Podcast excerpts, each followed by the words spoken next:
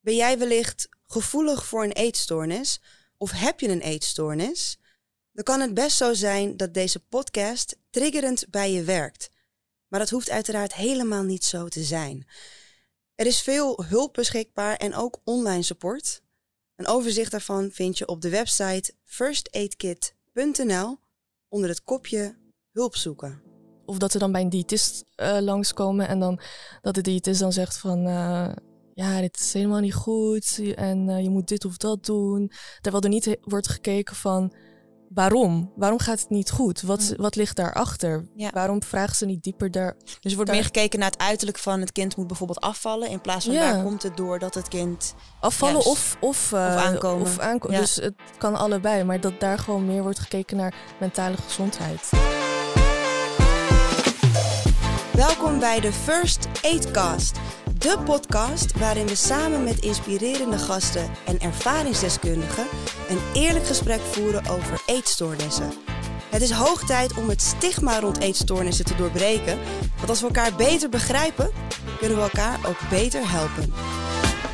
Welkom bij de First Aidcast. Mijn naam is Siana Mayam en uh, ik presenteer dit omdat dit een onderwerp is wat voor mij heel erg belangrijk is. Ik heb verschillende vrienden en vriendinnen die worstelen met een eetstoornis. En ik wil ja, beter begrijpen hoe ik er voor hen kan zijn.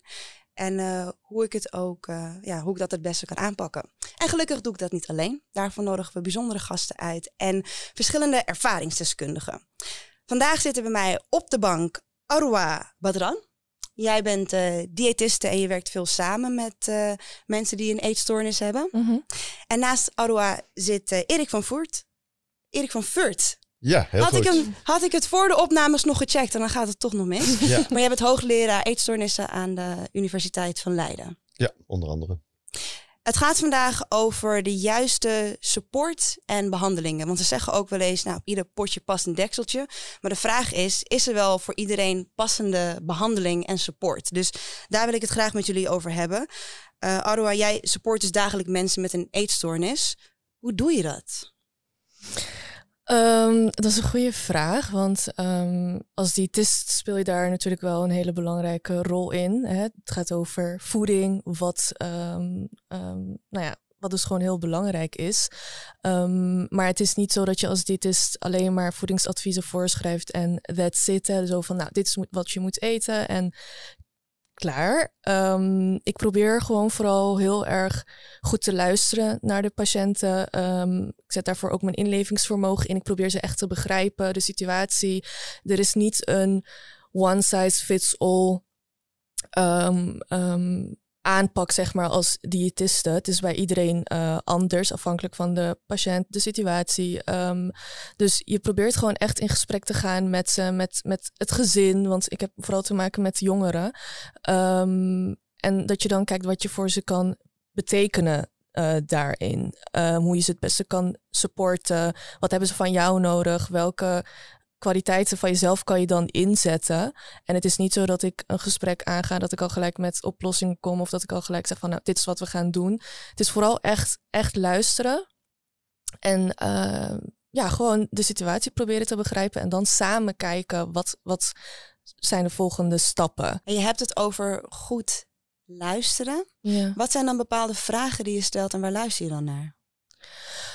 Um, ik probeer altijd heel goed um, uit te vragen, zeg maar, hoe, hoe gaat het, zeg maar, thuis? Hoe ziet je dagelijks leven eruit? Echt gewoon probeer helemaal voor me te zien hoe zij leven. Gewoon echt met beelden en alles in mijn hoofd. ik denk, oké, je wordt wakker, dan doe je dit of dan voel je dat. Je ouders gaan er zo mee om. Oké, hoe zou dat zijn als, zeg maar, als ik me zou verplaatsen in jouw positie? Oké, hoe, hoe zou ik me dan voelen? Weet je, echt heel erg proberen mee te leven. Um, en dan dat vraag je eigenlijk vooral. En ik probeer ook te vragen van wat denk jij dat haalbaar is? Of wat, wat, wat heb jij nu nodig? En het is niet altijd zo dat, dat ze dan echt mee kunnen denken of dat zij dan ook in staat zijn om daarin mee te denken. Dat is ook bij iedereen anders. Um, dus dan probeer je ook, je, je betrekt het gezin ook heel erg, want uiteindelijk doen zij het samen. Ja. Um, en dan kijk je ook wat hun kwaliteiten zijn, bijvoorbeeld als ouders, en dat, dat je dat dan ook probeert in te zetten. Dat, hè, snap je? Dus het is echt, echt anders per, per uh, per persoon. Ja. Hoe je het maar dat is goed om te weten, want ja, wat ik in het begin zei van ze zeggen wel eens op ieder potje past een dekseltje. Dat je soms het idee hebt van oh, er zijn maar een aantal smaken waar ik uit kan kiezen, maar soms is het even zoeken naar wat de juiste smaak is voor jou. We beginnen de podcast altijd met lichtpuntjes. Dus ik ben eigenlijk wel benieuwd, Arwa en Erik uiteraard. Um, als je nu terugkijkt naar bijvoorbeeld de afgelopen tijd. Wat mhm. zijn lichtpuntjes die jij hebt meegemaakt? Positieve situaties of... Um, ik heb, ik heb pas een hondje geadopteerd. Oh, wat leuk. Uh, uit Egypte. Ja. En het is nu, hij is mijn tweede hond. Want ik, had, ik heb ook een andere hond die ik al drieënhalf jaar heb. Die heb ik ook uit uh, Egypte uh, geadopteerd. Hij heet Cairo, omdat ja. hij ook uit Cairo komt. En mijn tweede hondje die heet Alex, omdat hij uit Alexandrië komt. Dus oh, leuk. Ze, komen allebei uit verschillende steden. Dus, maar ik ben echt gek op honden en I love them both. Dus ik heb er echt gewoon voor over. Het zijn echt mijn baby's. Dus it's okay. Erik, heb jij nog mooie lichtpuntjes beleefd? Ik uh, was vorige week in Londen. Um, voor het eerst sinds oktober 2019 was ik weer op congres. Wauw. En um, dat is bijzonder, want alle congressen zijn eigenlijk afgezegd of verplaatst of zijn online geworden. En dit was eigenlijk de eerste gelegenheid weer dat we als collega's, eetstoornisprofessionals wereldwijd bij elkaar konden komen op één mm -hmm. plek. En elkaar ontmoeten en uh, kletsen, netwerken is super belangrijk. Ja. Hoe was dat om daar weer te zijn? Het was heel fijn om weer op congres te zijn. Nou had ik dit congres ook mede georganiseerd en ik zat het voor. Dus dat geeft je dan wel een hele grote rol. Mm -hmm. En um, ik voelde me heel verantwoordelijk dat het, dat het goed zou moeten lopen. En um, het is ook heel goed gelopen. Dus dat, ja, ik was daar wel heel erg blij, blij om er te zijn en om het nou, tot een goed einde te brengen, drie dagen.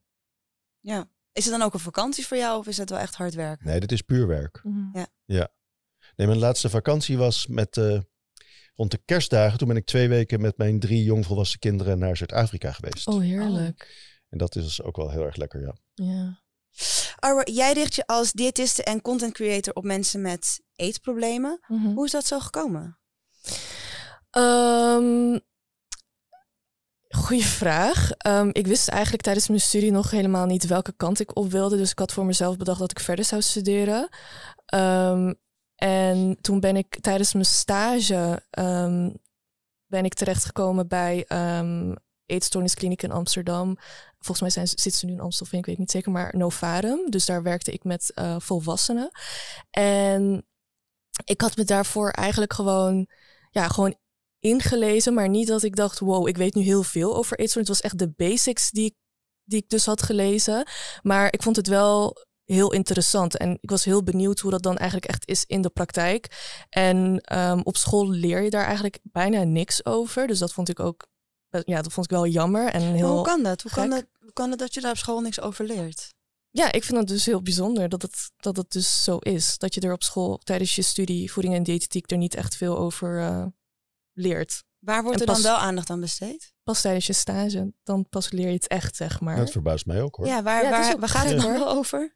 Ja, gewoon voeding, ja. maar niet echt gericht op. Um, je hebt wel een stukje psychologie, maar niet, je gaat niet echt er diep op in. Ja, we hebben zeg maar een. Um, we hadden een vak psychologie in het tweede jaar, volgens mij, kan ik me heel vaak herinneren. En dan had je tijdens een les dat ze dan um, um, uh, anorexia en bulimia dan uitleggen. En dan de twee, twee naast elkaar op het scherm. En dan het verschil tussen dit en dat. En dan next.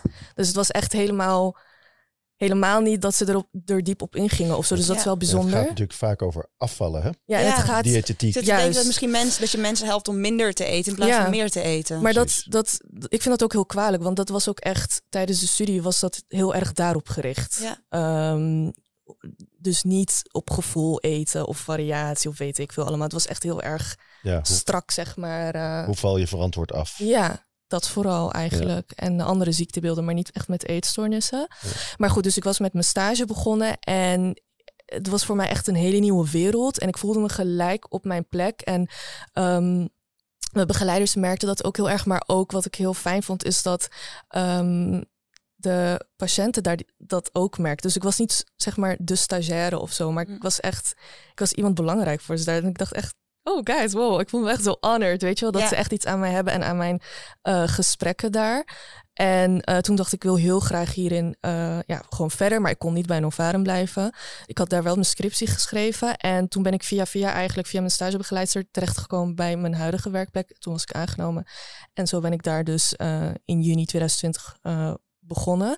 En ik was al eigenlijk op social media bezig, maar meer gewoon van alles en nog wat. I'm, I'm really into fashion en zo. Dus dat was het vooral. Fashion, lifestyle, reizen. Gewoon basic things delen. En op een gegeven moment, um, eind vorig jaar, dacht ik, waarom maak ik er eigenlijk niet gebruik van om ook dingen te delen over voeding en over mijn werk? Want daar ligt ook echt mijn passie. Alleen ik durfde het nooit echt te delen of zo. Je hebt zeg maar toch zeg maar zo'n ja, bepaalde angst. Ik, eh, of ja, ik weet niet eens waarom precies, maar ik dacht ja, hebben mensen hier echt wat aan? Boeit het ze echt? Maar in of? de stageervaring die je hebt opgedaan, Ja. werkt hij vooral uh, samen met meer volwassenen. Ja. Je richt je nu meer op jongeren. Ja. Hoe pak je dat dan aan? Hoe help je ze dan precies? Met een eetprobleem. Is het dan dat je juist blijf je dus heel erg vanuit je opleiding? Want daarin heb je Nee. eigenlijk niet zoveel meegekregen. Nee, het is helemaal niet vanuit je opleiding. Het is gewoon, kijk, je werkt natuurlijk heel veel samen eh, met andere eh, professionals en jij bent onderdeel van de behandeling. Dus nou, ik ben diëtiste, dus bij mij gaat het meestal over voeding. Ehm, maar ik heb gewoon mijn ervaringen dus meegenomen vanuit mijn stage en ik heb hier op mijn werkplek nu ook heel veel geleerd. Het is niet dat ik er zo in kwam en dat ik gelijk wist van, oh, ik moet het zo en zo doen. Maar ik heb uh, heel veel gesprekken bijvoorbeeld ook met mijn andere collega's. Die het is, uh, ik heb heel veel van, uh, van hen geleerd. eh, vooral van mijn collega Jules en Jorien. Ik weet dat ze hier naar gaan luisteren. um, dus dat ook, je leert heel veel van elkaar. Ja. Maar wat, je, Um, wat je in je introductie beschrijft, Mhm. um, is dat je, je doet veel meer dan diëtetiek. Ja, klopt. Het is Heel niet veel alleen... meer. Nee, je lijkt voeding. meer, meer een halve psycholoog. Ja, dat hoor ik ook wel vaker. Ja. En ik denk, dit is niet iets wat je kan. Ja, je kan het wel leren op zich, maar ik denk ook dat je echt zo moet zijn als persoon. Dus dat, ik ben sowieso van mezelf heel erg iemand die goed kan luisteren en heel graag ehm, mensen wil helpen en groot empathisch vermogen. Dus dat zijn allemaal kwaliteiten van mezelf die ik heel goed kan inzetten op mijn werk. Ehm, dus En je ziet het belang van het betrekken van de ouders. Juist, Ja. dat ook.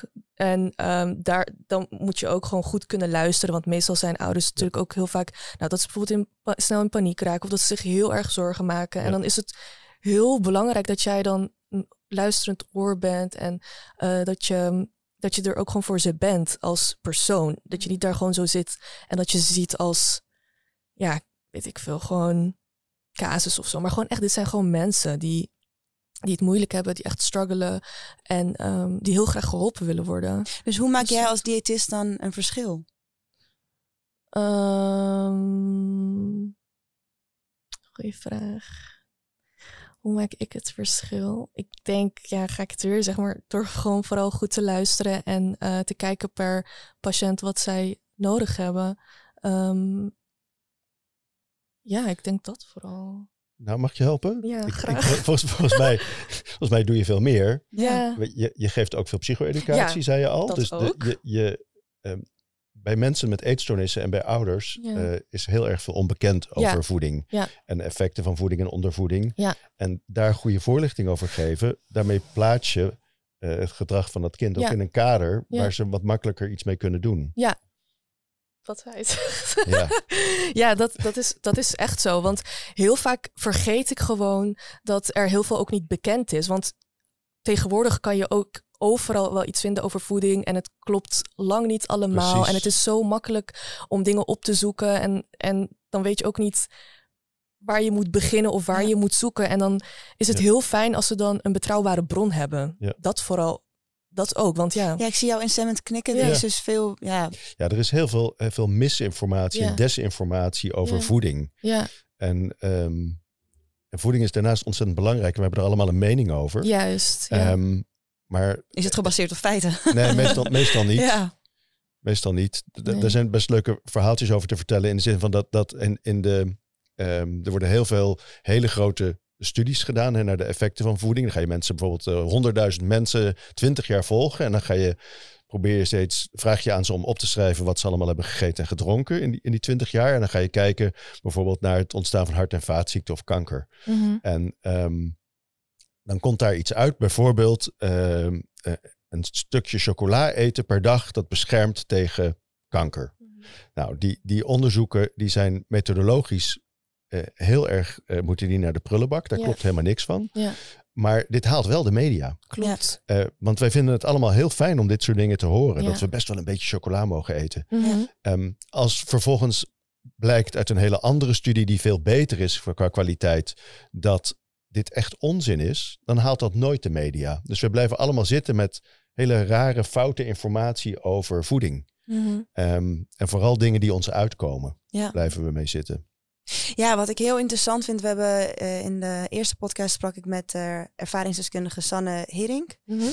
En die vertelde ook, zij heeft dus eh, anorexia gehad. Mhm. Dat zij ook mede door bepaalde informatie die, die ze zichzelf soort van heeft aangepraat Mhm. over voeding, soms zo klem kwam te zitten. Bijvoorbeeld dat ze niet graag met boter kookte, omdat ze dan dacht dat ze daar dik van werd. Waardoor Mhm. ze dus al haar eten aanbrandde. En zeg maar, dat was- bracht zoveel stress voor vakanties, omdat iedereen dacht van ja, laat ons gewoon lekker eten Mhm. en je brandt al het eten aan. Het wordt er ook niet lekkerder van. Nee, Nee. en andere dingen van eh, dat ze bijvoorbeeld eh, niet graag eh, zonnebrand opsmeerde, omdat Ja, ze ervan overtuigd was dat het in de huid ging zetten, wat natuurlijk ook niet klopt. Dus Ja. ik was heel erg benieuwd of jij vanuit jouw ervaring ook dit soort verhalen hoort, die dus niet kloppen, maar die mensen zichzelf zo hebben aangepraat. Ja, tuurlijk. Er zijn heel veel voorbeelden, maar ehm, wil je zeg maar een concreet voorbeeld van Ja, ik ben heel erg, zoiets? want voor mij, juist omdat ik het beter wil begrijpen, moet ik het kunnen herkennen. En als ik dan zie dat iemand zoiets doet, denk ik, oh, dit is iets waar ik oplettend bij moet zijn. Ehm, wat ik ook wel eens zie, is dat ze dan bijvoorbeeld eh, bang zijn voor medicatie slikken, omdat ze er ook van overtuigd zijn dat ze daar misschien van zouden kunnen aankomen. Of ehm, vitamines, dat daar bijvoorbeeld dat dat ook bijvoorbeeld ervoor zou kunnen zorgen dat, dat ze aankomen. Te veel Ehm, in pillen of zo. hè? Of dat, er, of dat in- er suiker in zit. Of zo. suiker, ja, Ja. dat soort dingen. Of ehm, ook met thee bijvoorbeeld, dat ze dan, al doe je er geen suiker in, dat ze er soms nog steeds van overtuigd zijn dat er iets in zit. Dus ze vertrouwen het ook niet helemaal. Dus dat soort dingen. En het is natuurlijk heel vermoeiend als je dan een eetstoornis hebt en als je daar de hele tijd heel erg alert op bent en de hele tijd mee bezig bent. En het is ook, ook lastig, want je kan wel vertellen dat het niet klopt, maar vanuit de eetstoornis is het heel moeilijk om dat gelijk te geloven. Ja. Dus het is heel eh, gewoon lastig. Ja. Dus als we kijken naar support en, en hulp, Mhm. wat is dan voor jou het juiste toekomstbeeld? Waar zouden we naartoe moeten bewegen? Het zou ideaal zijn als het vroeg herkend wordt, zeg maar, de eetstoornis. Dus ehm, dat er gewoon meer over wordt gepraat, maar ook op scholen bijvoorbeeld. En eh, dat, dat we echt al vroeg beginnen daarmee. Dat ook bijvoorbeeld op scholen in plaats van dit mag wel, dit mag niet, of dat er hè, qua voorlichting, dat er meer mee wordt gedaan, eh, maar ook met lichaamsbeeld, et cetera, dat daar meer, ehm, ja, gewoon op, dat er meer voorlichting daarvoor wordt ehm, gegeven, zeg maar. Mogen we daar wat dieper op ingaan? Want, want eh, vroeg detectie, vroeg herkennen is echt, Ja. e- echt een hang-up van mij al heel Ja. erg lang. Ja. He- heb jij een idee, Arwa, hoe, hoe zou je dat nou op scholen moeten doen op een, op een verantwoorde manier? Zonder mensen op ideeën te brengen. Slechte ideeën bedoel ik, hè, Ja. natuurlijk.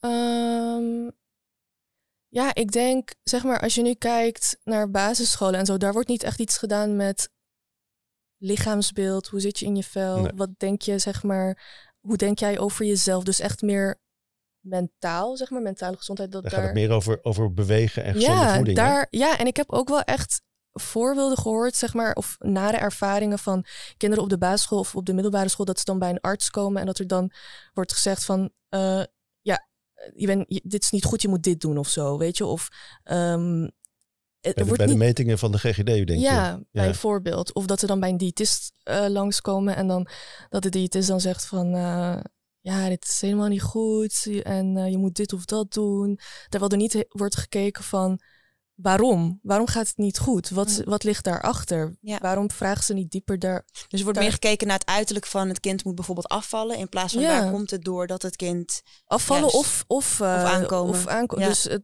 kan allebei, maar dat daar gewoon meer wordt gekeken naar mentale gezondheid. Dat we daar gewoon meer aandacht aan besteden, maar echt vroeg gewoon vanaf de basisschool. Ja. Dan denk ik echt al dat je heel ver komt. De ouders spelen hier ook een belangrijke rol in. Kijk, als ik Ja. kijk naar mezelf, ik ben niet zeg maar zo opgevoed dat we thuis over gevoelens praten en dat we zo open zijn daarover. En dat heb ik, al, dat heb ik allemaal later geleerd.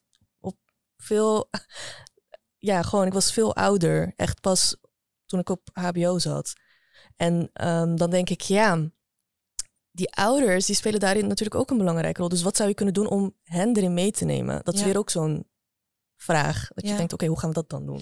Ja, ik denk Snap dat je? voor mij, ik heb het ook meer op een latere leeftijd geleerd. Ja. Ehm, het is heel moeilijk om eh, uit te kunnen drukken wat je voelt als je de taal niet hebt. Als je gewoon niet, Ook. eens, als je niet eens kunt Ja. vertellen wat het is. Ja. Dus ik denk dat het zeker op een jonge leeftijd moet gebeuren. Maar ehm, ja, naast alle andere vakken die er zijn, wordt het een uitdaging. Ja, Ja. want je hebt ook maar zoveel uren in een dag. En de Precies. kinderen hebben ook maar zoveel een bepaalde Klopt. aandachtspannen. Dus, ehm, maar ja, ik ben het met jullie eens dat er wel meer tijd en aandacht eh, voor zou moeten zijn. Zeker. Ik wil het graag met jullie hebben over een best en een worst day. Op het moment dat het gaat over een slechte dag, dan gaat het vaak over ehm, nou, toch uiterlijke kenmerken. En eh, dan je hoort in het, in het nieuws vaak over eh, wat het gewicht is of hoe iemand eruit ziet. En ik merk dat dat vaak triggerend kan werken. Ehm, daarna wil ik graag met jullie de focus leggen op bijvoorbeeld een, goed, een goede dag. Dus als we kijken naar eh, jou, Erik, bij, in het werkveld. Hoe ziet een goede dag eruit? Een goede dag.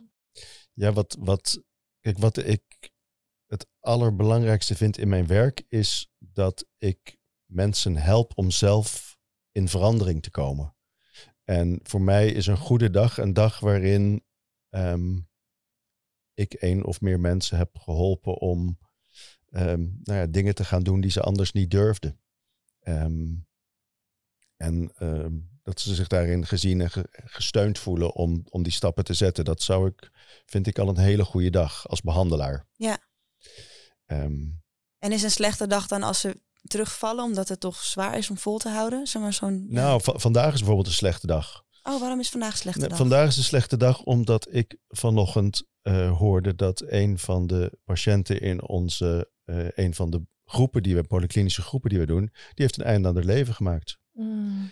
En dat, dat is vreselijk. En dat, Ja. dat komt uit het niets. En ehm, ja, dat, dat, dat, zijn, dat is heel aangrijpend. Voor de, beha- de behandelaar is een overstuur, de groep is overstuur. Ehm, het komt gelukkig niet zoveel voor. Maar eh suïcide is, een, is, is vreselijk. Omdat je dat heel erg graag wil voorkomen met elkaar. Wat doet dat dan met jou als je dat hoort? Ja, ik, ik rillingen over mijn rug. Ehm, en en eh, allemaal vragen stellen natuurlijk. Ja, hadden we dit kunnen voorkomen?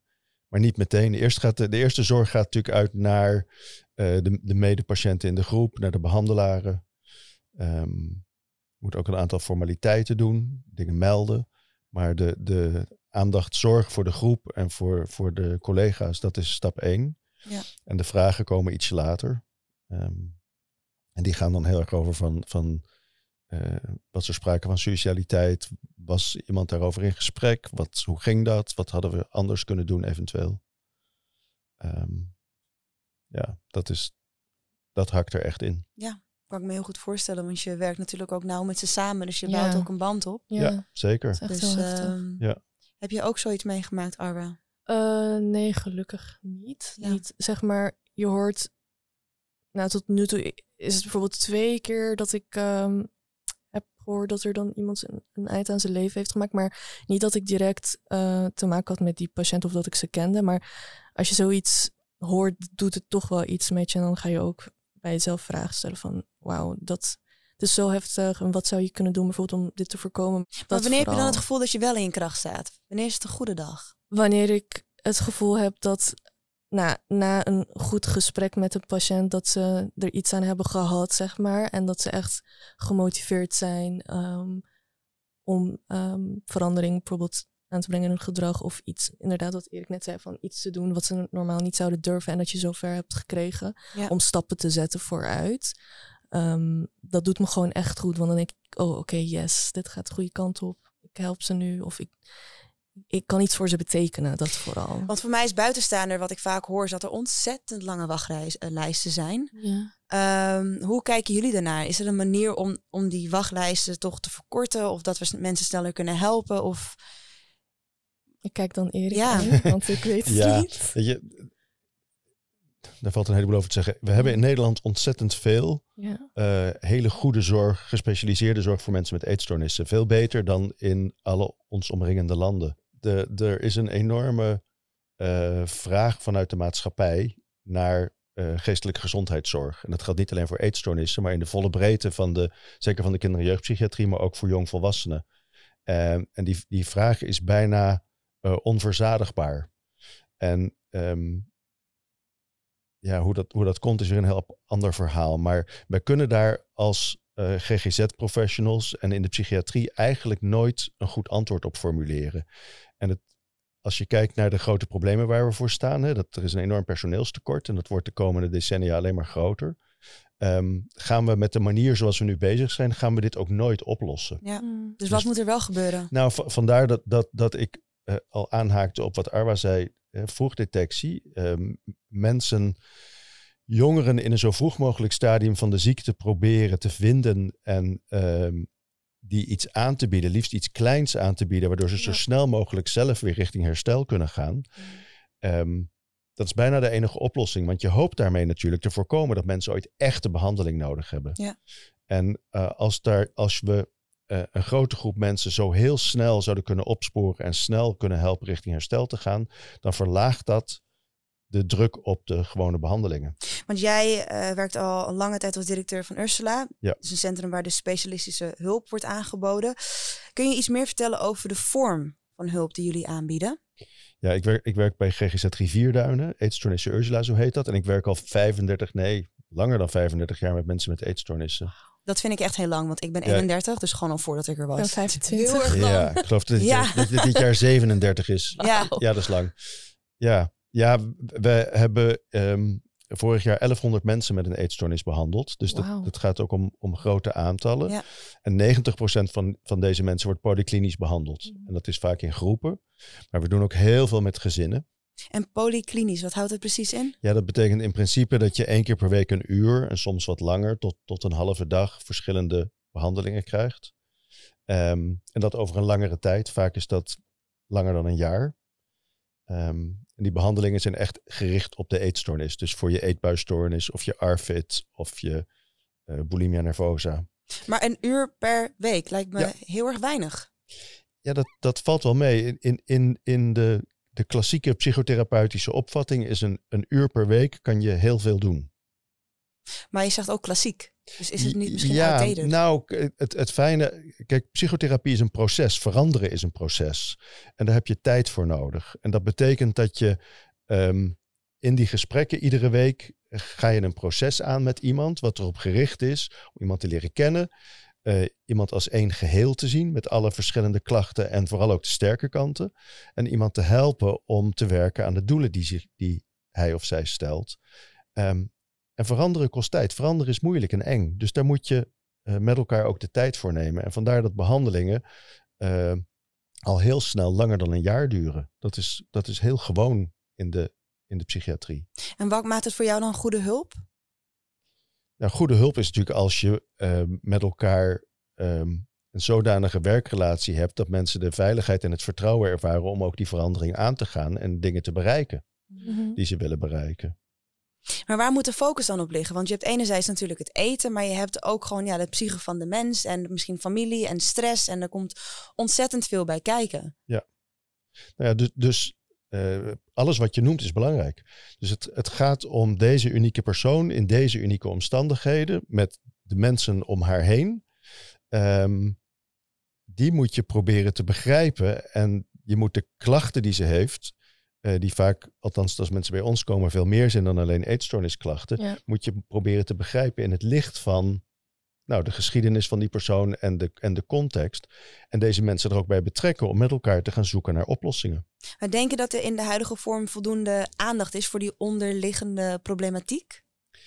Ja, ik, ik heb heel erg moeite met het woord onderliggend. Um, want dat veronderstelt dat er altijd iets onder zit. En, en soms is dat zo. Hè? Want als mensen hele nare problemen, mee, of nare dingen meemaken en daar last van hebben nog in het heden, dan, ja. dan is het belangrijk om daar aandacht aan te besteden. Hè? Dan heb ik het over posttraumatische stressstoornis.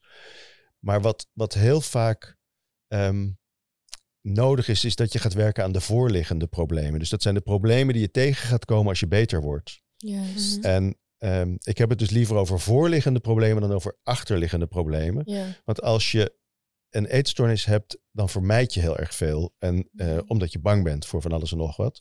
En die angst aangaan, die ligt voor je. Dus ehm, je voorliggende problemen, die ga je pas tegenkomen als je, als je aan je symptomen gaat werken. Ja. Ja, want ik hoor jou daarmee instemmen. Ja, ik ben het er helemaal mee eens. En ehm, ik vind ook dat de focus daarop moet liggen, dus op voorliggende uh, problemen. Want wat je ook soms ziet, is dat patiënten of ouders dan heel erg hun best willen doen om erachter te komen hoe dit nou kon gebeuren. Wat zou het nou kunnen zijn? Wat, wat zou nou de reden kunnen zijn? En om het bijvoorbeeld te, te voorkomen voor in de toekomst. Maar dan denk ik, we zijn in het nu en je kind is nu ziek.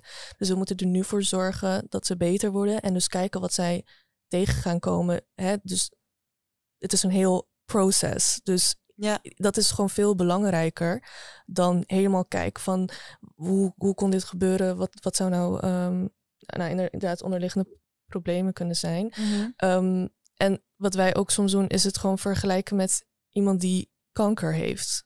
Want dat is ook, hè, een eetstoornis is ook gewoon een ziekte waar je niet voor kiest. Ja. Um, dan ga je ook niet helemaal proberen uit te zoeken van nou, hoe kan het nou dat mijn kind nu kanker heeft? Of wat zou nou de reden kunnen zijn? En dat je daar helemaal de focus op gaat leggen. Nee, je gaat juist heel erg in de modus zitten van oké, mijn kind is nu ziek en je wil dat je kind beter wordt. Je gaat kijken wat, wat voor therapieën, wat, wat, wat kan je nog allemaal inzetten om, hè, om je kind beter te krijgen. En daar ga je energie in steken. Maar, maar niet in mijn in... beleving wordt er dan ook wel gekeken naar bijvoorbeeld voeding van hey, let erop dat je dit soort dingen niet eet. Want dan kan bijvoorbeeld een, het kan een onderdeel zijn van het probleem. Dus dat er wel uh, ook aandacht voor is. Want anders uh, voelt het heel erg vanuit mijn beleving als soort van dweilen met de kraan open. Dat je dan wel het probleem oplost. Maar als je niet weet waar het vandaan komt, dan kan je toch ook niet voorkomen dat het in de toekomst niet nog een keer gebeurt. Als er bijvoorbeeld stel dat iemand. Nee, ik denk eh, juist het tegenovergestelde hoor. Kijk, heel veel mensen die een eetstoornis ontwikkelen, die zijn angstiger dan gemiddeld. Ja. En als je iets angstiger bent dan gemiddeld, dan um, beleef je de hele wereld anders. Ja. En dat, dan ben je waakzamer. Uh, je denkt sneller dat je iets niet kan. Um, en dan, dan zoek je naar manieren om dat te compenseren. Dus dan ga je, stel je bijvoorbeeld heel hoog, heel hoog streefniveau of je wordt heel perfectionistisch. Ja. Um, en een heleboel dingen ga je ook niet doen, want die, daar ben je bang voor. Dat vermijd je. Mm -hmm. um, de, de enige manier om um, zeg maar, toekomstbestendig te herstellen, is die dingen wel te gaan doen en te gaan ontdekken dat je ze kan en dat je ervan kan leren en dat je er sterker van kan worden. Ja. Um, maar daarvoor moet je dus kunnen leren. En dat, leren is moeilijk als je heel angstig bent. Dus, dat, dus wat wij eigenlijk proberen te doen is te helpen om die angst zo nou ja, onder controle te houden met elkaar. Dat mensen wel die dingen gaan doen en gaan leren ja. dat, dat ze het kunnen. En dat het, is gewoon heel veel exposure eigenlijk. Het is allemaal exposure. Ja. ja. Nee, als ik het zo gechargeerd mag zeggen, wat ik heel interessant vind is, ja, je zit natuurlijk al langer in het vak. Dus uh, in mijn beleving lijkt de, uh, de kijk of de visie of de ervaring die je hebt veel op oldschool. En jij zit er soort van net nieuw in. Mm -hmm. uh, en dat jouw visie misschien meer new school is. Maar ik hoor eigenlijk dat er best wel veel raakvlakken in zitten. We zijn het hartstikke eens. Dat ja, dat vind ik heel vervelend.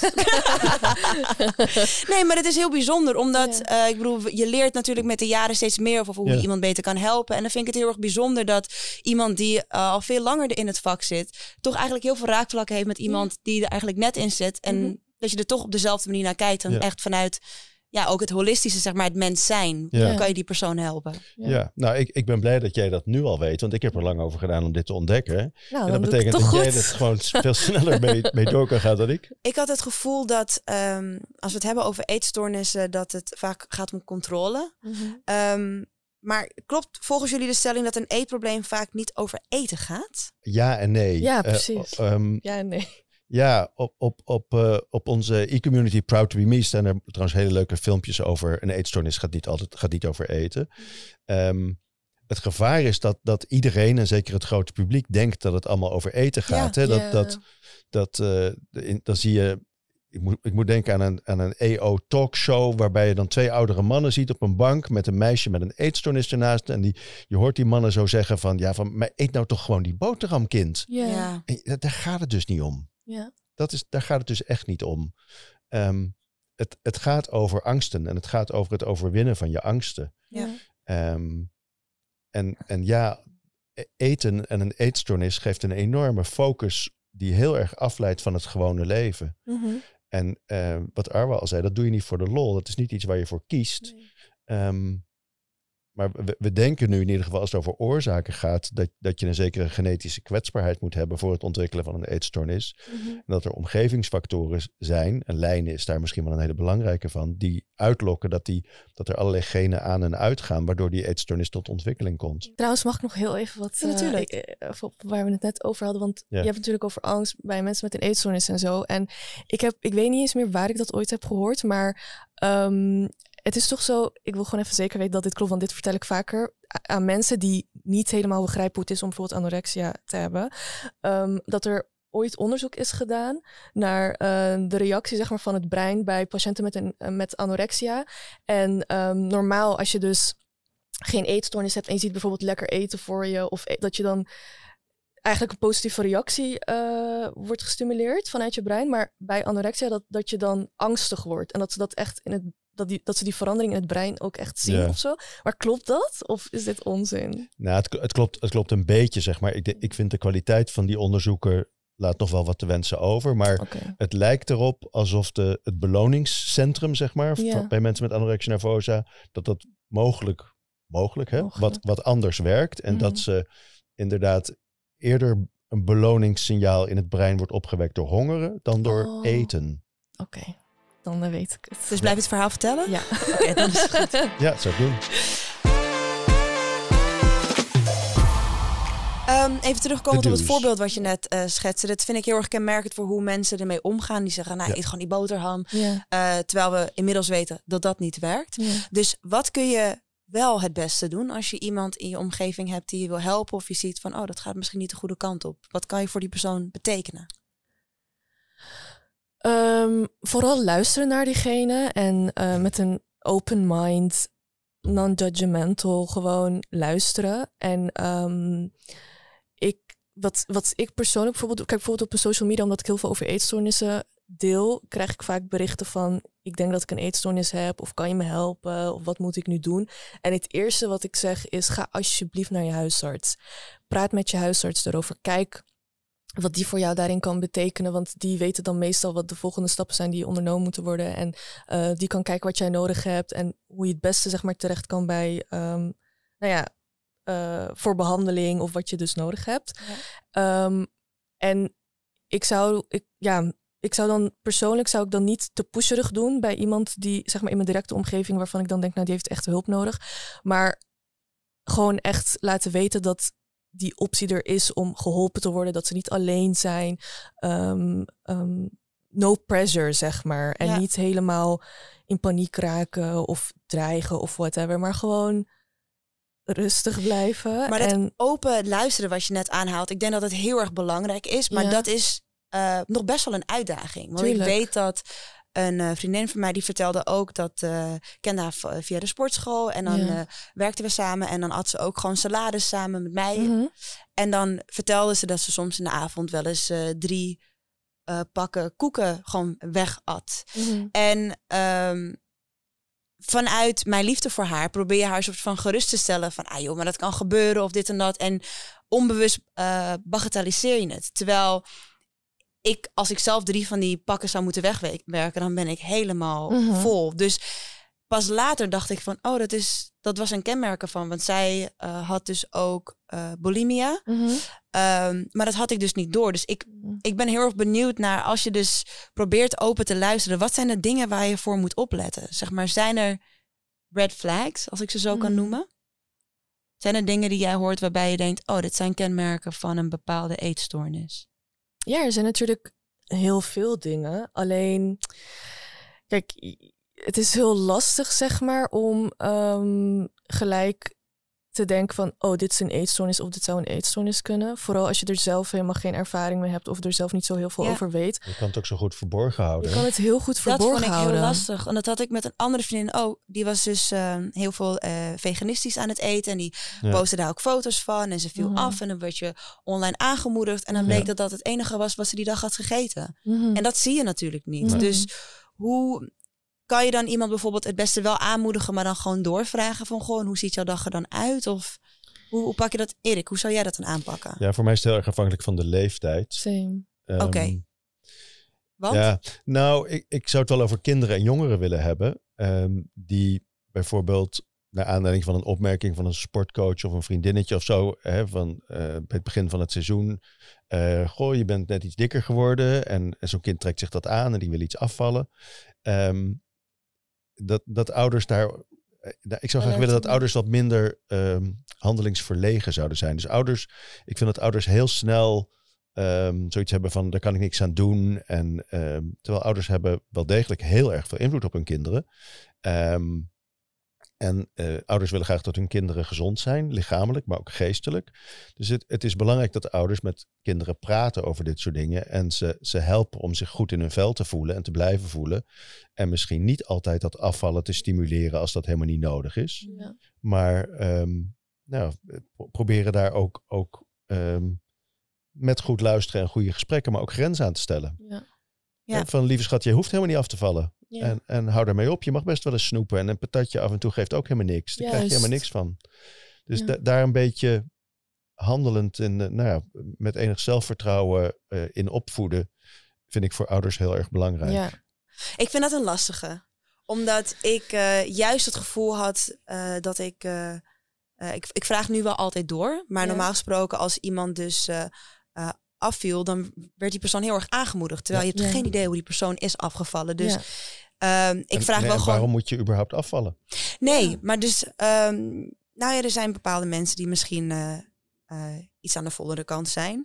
Um, maar is dat erg? Nee, zeker niet. En dat is natuurlijk de hele body positivity move ook. Weet je, hou van jezelf zoals je bent. Maar wat voor mij, uh, wat ik wel heel interessant vind, is dat ik, ik had mezelf op een gegeven moment aangeleerd dat het niet erg was om te zien dat iemand was afgevallen of aangekomen, mits je gewoon een um, liefdevol gesprek met die persoon aangaat van goh, hoe gaat het met je? Weet je, waar komt het vandaan? Misschien heeft iemand superveel stress of misschien uh, speelt er iets anders waardoor ze aankomen of afvallen.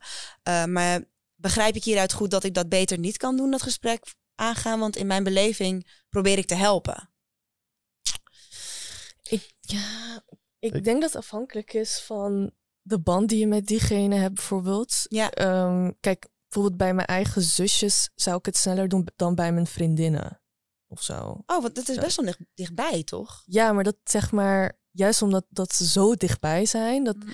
En um, dat, dat je dan een open gesprek wil hebben daarover. En dat je gewoon een beetje doorvraagt en zo. Dat je ze ook laat weten dat je, dat je er voor ze bent. En dat het helemaal niks te maken heeft met um, uh, het is niet dat je iets goed of slechts kan doen of dat het slecht is, maar gewoon dat je meer dat je zorgen maakt of dat je opvallende uh, verandering ziet en dat je dat een beetje navraagt. Ja. Maar ik vind niet dat we daar zo erg gefocust op moeten zijn. Dat je dan daar überhaupt iets over moet zeggen. Nee. Soms is het ook gewoon goed om niks erover te zeggen. Ja. Dus, en als je die ehm, persoon gewoon laat zijn. Ja. ja. En kijk, bij kinderen is het natuurlijk anders. Als jij als ouder ziet bijvoorbeeld aan je kind dat ze heel erg zijn afgevallen of heel erg zijn aangekomen. Ja, natuurlijk ga je dan zorgen maken en ga je vragen stellen of ga je samen kijken van oké, moeten we nu iets gaan doen of uh, naar de huisarts of whatever. Dus dat is ook heel anders dan bij een volwassene. Dus dat, de aanpak is ook anders dan, ja. denk ik. Ja. Dankjewel. ik, ik zou ook niet zo snel gaan praten over gewicht of uiterlijk. Ja. Nee. Dus, um, maar meer mentale toestand? Hoe, ja, hoe gaat het met je? Ja. En uh, als, als iemand zelf zou zeggen van, goh, ik ben heel erg afgevallen, dan zou ik dat wel zeggen van, goh, ja, dat, ja, dat zie ik ook. Ja. ja. Uh, is dat Zonder goed, het eigenlijk aan te Is dat goed voor je of niet? Ja. Maar ja, ik denk dat, dat het belangrijk is om te, te hebben over hoe, hoe gaat het met je. Ja. En kijken of je daar een echt gesprek over kan voeren dan, dan over dat gewicht of dat uiterlijk. Ja, ja. Nou, dankjewel. Ik heb uh, heel erg veel geleerd vandaag. En zoals je merkt ben ik nog steeds lerende. Maar daarom zijn dit soort gesprekken heel erg fijn. Mhm. En ik kan me heel goed voorstellen dat jij misschien ook met vragen zit. Dat je denkt van, oh, kan ik dit vragen? Kan ik dat beter niet zeggen? Je kan namelijk altijd een uh, berichtje sturen naar onze Instagram. Als je gaat naar First Aid Cast, dan... Uh, kan je even een DM sturen met dingen waar je tegenaan loopt. Of waar je misschien meer informatie over zou willen hebben. En dan kunnen we dat meenemen hier met uh, andere gasten. Maar voor nu ontzettend bedankt. Ik, ja, dus als we kijken naar is er passende hulp voor iedereen, kan ik zeggen ja. Als je kijkt naar de mens en je hebt het gesprek, kan je op zoek gaan naar de juiste hulp voor die persoon. Ja, dat, dat denk ik wel. Denk dat, ik dat er, er is zeker passende hulp. Het is soms zoeken. Ja. Uh, en helaas um, is natuurlijk zo dat, dat de resultaten van behandeling laten best wel veel te wensen over. Lang niet iedereen herstelt volledig. Ja. Um, dat is naar. Maar ehm, het overgrote meerderheid van mensen wel. Dus met een goede behandeling. Ja, dan sluit je baan? Ja, ik ben het ermee eens. nou mooi, ik kan me heel goed voorstellen dat je misschien door de boom het bos niet meer ziet. Want er is inderdaad heel erg veel verschillende hulp uh, beschikbaar. Op onze website firstaidkit.nl staat een superhandig document. Steun en support bij eetstoornissen. Dus begin anders daar. En kijk of er iets tussen staat wat bij je past. En mocht je er niet uitkomen, kan je ons altijd even een berichtje sturen. Oeh, vergeet ons niet te volgen op Instagram. Tot de volgende keer.